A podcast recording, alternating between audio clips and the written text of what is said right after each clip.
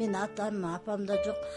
Бирөө бирөө тирүү болсо мен бул жерде казакстанда өлсөм келбейтин эдим бир жерде иштеп жүрөтүн эдим азыр мен билбейм олорду калай истегенин мен кийин мага ана жактагылар айтып атат жаркенттегилер айтып атат да. Сени сатып жибергенин билесиңби сен деди. «Э, жүз элүү миң теңге сатып жиберген да. Сен ошону билесиңби дейт жок мен билбейм дедим. Мен билбейм дедим. Сен мен жындылык жаса мен жындандым да мен мен мен бул чоң киши жетимиш эки киши менен ошол кишиге эмне кылган да ошону мен эмне кылмайм турмайм дедим. Андан кийин мен ошону жындап эмне кылдым. Сен эмнеге монтесиң сен кулдуктасың анан мындай деп ошентип баягы казакта сенин документиң жок билесиңби? Сен биз сени казактын эмнесине уктатып жиберебиз сени түрмөдө чидейсиң деди ошондон мен коркуп калкам анан эки уул туудум олорго элзада муминованын ата энеси эрте жашта эле каза болуп калган. Ош облусунун кара суу районунда жетинчи класста окуп жүргөн кезинде чала тааныш рахат аттуу аялдын сөзүнө кирип алып казакстанга бала баккыч болуп иштегени багыт алып он үч жыл бою кулчулуктун чынжырына байланган. Саламатсыздарбы эфирде аялзат түрмөгү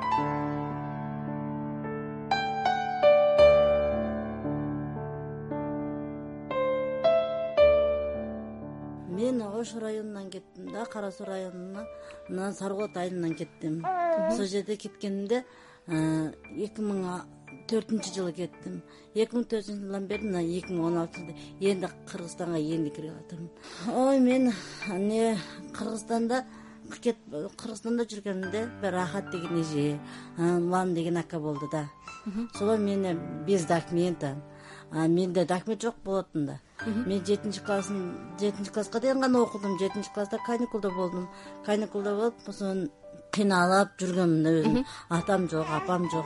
Ошондуктан мен кыйналып жүргөнүмдө ошон улар менен ошо рахат эжелекей биз сага казакстандын теңгесин боюнча он беш миң теңге төлөйбүз деди. Сен кел айына бир айына он беш миң теңге ошондон кийин кийимиң кечегиңди алып беребиз. Бизден болот. Тамак ашың бесплатно болот жүр деди.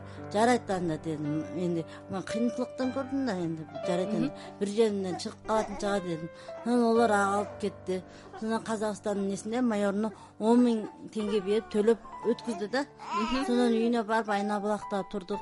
Элзаданы алдап алып барган аял мурда макулдашкан акысын төлөп берген эмес. Тескерисинче аны сыртка чыгарбай уруп кагып зомбулук көрсөтүп балдарын акысыз бактыргандан кийин казак жарандарына саткан анда мен кызымдан да кичинекей кызын бактым үч айлык төрт ай ошондой кызын бактым ошентип өткүзөт ошондон кийин кызына карайм да кызын карап атканда мени ана рахат деген эже урат ана улан деген ака жакшы да алар кыргыздар бирок э ооба кыргыз кыргыз кай жеринен экенин билбейм оштонкпуз ана деп ошентип айтат мен кай жеринен билбейм да сизди аябай уруштубу зомбулук көрсөтүштү ооба ал жерде уруп сен эмнеге мен баламды жыгытасың ана мындай деп мени кайшы кайшы тыгып алды ой эже. Мен ошондон кийин мени кыйнады да ошондон кыйналып анан кетип айна булактан көчүп заровостокко бардык заровостокто бир казактар бар экен. Ошол казактарга ошо сүйлөшүп койгон окшойт мен билбейм аны мына жаркенттеги мен жаркентке кеттим да эки миң алтынчы жылы. Эки миң алтынчы жылы кеткенде мени өзү качып кетти деп айтып атат мен олар мага монтип айткан жок да ана жактагылар кайнэжемдер мага мынтип айтты. Сен сени жүз элүү сом жүз элүү миң теңгеге сатып алган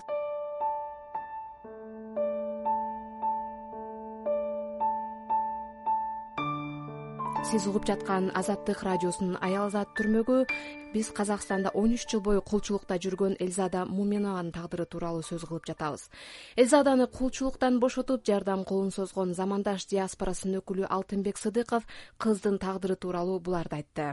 Мындай кыздар көп да негизи ушунун баары алданып барып көпчүлүк көп көптөрүн кыттырды эми буга ошогон буну эми бунун күйөөсүнө экинчи аял кылып берген да мунучу биринчи аялы төрөбөгөн болгон. Баягы жетимиш экинчи жылы экинчи аял болуп тийген. А бул баласын чоңойткондон кийин буну мен ушунун айтуусу боюнча бул баягы баласы экинчи баласы уже колго жарап өзүнүн тамак ашын жегенде буну кетиргенге аракет кылышкан да. Бул кетип анан кийин бир кол кой дегенде бул дагы билген да бул баласын тартып алышынчы анан бул алматыга келген. Алматыга келип анан бул баягы консулга барган жардам болбогондо кайра ошол жерде жумуш стройкада жумуш иштептир айтуусу боюнча. Ошол жерден анан бир жерге кафеге барып иштептир анан дагы дагы бир казак ушундай турмушка ажырашкан бирөөгө дагы бирөөлөр дайындаган да. Ушундай жакшы үйү бар жайы бар деген ал да ушундай бир айылга баягындай алдаганда бул баары ишенип барып ошо менен турмуш куруп калат экен. Андан үч жыл жашап үч жыл жашагандан кийин ошондон кыздуу болот кыздуу болгондо айылдагылар баягы күндү уруп күндү токмоктоп муну эме кылганда бул айылдагы ошо аксакалдары эмелери ошо ошо кыргыздарды таап ушундай дегенде анан ошо кыргыз балдар бизге келип кайрылган да. Анан биз ошол айылдын имамы менен ошондо сүйлөшкөнбүз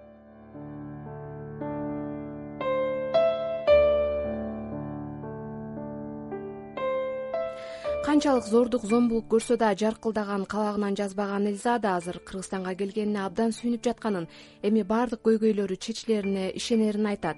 Бирок азыр анын кыйынчылыктары жаңы эле башталгандай. Себеби өзүндө да колунда көтөрүп жүргөн наристе кызында да ким экендигин тактаган бир да кагаз жок. Алгач ушул документ ишин бүтүрүп алып анан кайра казакстанга кыргыз жараны катары мыйзамдуу барып кулчулуктан тапкан эки уулун кайтарып алууну көздөйт. Чоң уулум эки миң жетинчи жылкыда э, тогуз жашта азыр. Кичи уулум эки миң онунчу жылкы э, азыр алты жашка толду а сиз канчадан бери көрө элексиз мен үч жыл болду үч жылдан бери көрөм өзүм ошондо багыңда мени канган кыргыз андай мындай деп когдуктан мен ошондон таштап кеттим. Кандай зордук зомбулуктарды көрсөтчү? Урду анан жеңеси да уруп мени октоо менен уруп ошондуктан таштап кетти да. Сиз анан эми азыр эки балаңызды да алып келсеңиз үч бала менен кантип мындай кандай багам деп ойлоп атасыз багам да мен эч ким тууган туустарыма эч кайсына кол жайгым келбейт мен өзүм кантип жүрсөм мен кыргызстанга келгенден өлбөйт го балдарым баары бир бишкекте турам бирок ошко баргым келбейт. Эмне ошко баргыңыз келбейт? Ошко барганда бир туугандарым издешпеди да балдарымды алсам анан кийин арманым эндиги арманым ошо үч балам менен бирге ошо үч баламды аман эсен өстүрүп чоңойтсам уларды мен окумасам ошо кызым окусун эки уулум окусун буларды жеткизсем энди ош шаарында баргым келбейт энди бишкекке мен энди шаардык алматыда шаарда жүрүп үйрөнүп калдым эми ошондуктан айылда жүргүм келбейт ошо бишкекте жүрсөм балдарымды баксам деген оюм максатым бар. Мындай сизге окшош барган кыргыз кыздар бар бекен аяктачы ал жакта бир э, бар бар. Жаркентте бир чынара деген эже бар. Ол эмеси жок. Документи жок ой эженин ой эжем тоже менен операцияга түздү баласы бар бирок ой эженин документи жок. Чынар эже деген жетимиш тогузунчу жылкы ал да ошо кыйналып жашап атабы жагы кыйналып жаткандан бирок андай кыйналган кыйналган түрүн көзүнөн көрүп турам. Бирок да былай кыйналганын билдиргизбейт. Кыздарга кандай кеңеш айтат элеңиз мен кыздарга кеңеш айтканым мына кыргыз кыздарга эч убакта сенбеңиздер башка алданбаңыздар дегим келет ошо кыргыздын азаматтарына анан кийин эмне айткым келет эч убакта кайда жүрсөңдөр да өздөрүңө мейкем болуңдар. Эч кимге сенбеңдер эч убакта бир гана кудайга ишениңдер өздөрүңө гана ишениңдер башка эч кимге сенбеңдер.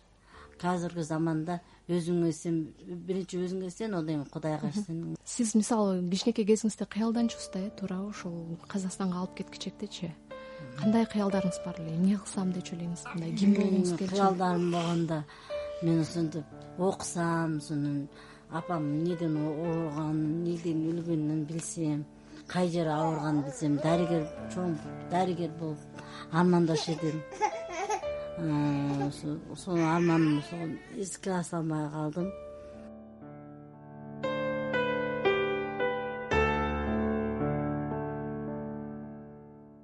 элзаданын мындан аркы тагдыры кандай болору белгисиз. Ал мекенге кайтаары менен эле жардам сурап каккан алгачкы эшиги азаттык радиосу болду. Биздин редакциядан чыгаары менен аны кулчулуктан куткарган замандаш диаспорасынын өкүлү алтынбек сыдыков ошко жиберерин. Ал жактан туулгандыгы тууралуу күбөлүгүн паспортун алуу жолдорун издерин айтты кулчулукка каршы эл аралык уюмдардын маалыматы боюнча жылына дүйнөдө сегиз жүз миң киши адам соодасынын курмандыгы болууда. Бул тармакта бир жылдык айланган акчанын суммасы болсо тогуз миллиард долларга чукул. Эң эле өкүнүчтүүсү заманбап кулчулукка кабылгандардын көбү коомдун аялуу катмары болгон өспүрүм кыздар балдар жана аялдар эки миң он бешинчи жылга чейин эки жылда башка өлкөгө иштегени кетип кулчулукка кабылган эки жүз кырк алты кыргызстандык куткарылган. Ал эми төрт жүз төрт мекендешибиз чет жакта иштеп жүрүп түрдүү жагдайда жашоо менен кош айтышкан. Кадырман угармандар сиздер аялзат түрмөгүнүн кезектеги чыгарылышын уктуңуздар. Аны мен бактыгүл чыныбаева даярдап алып бардым. Аман бололу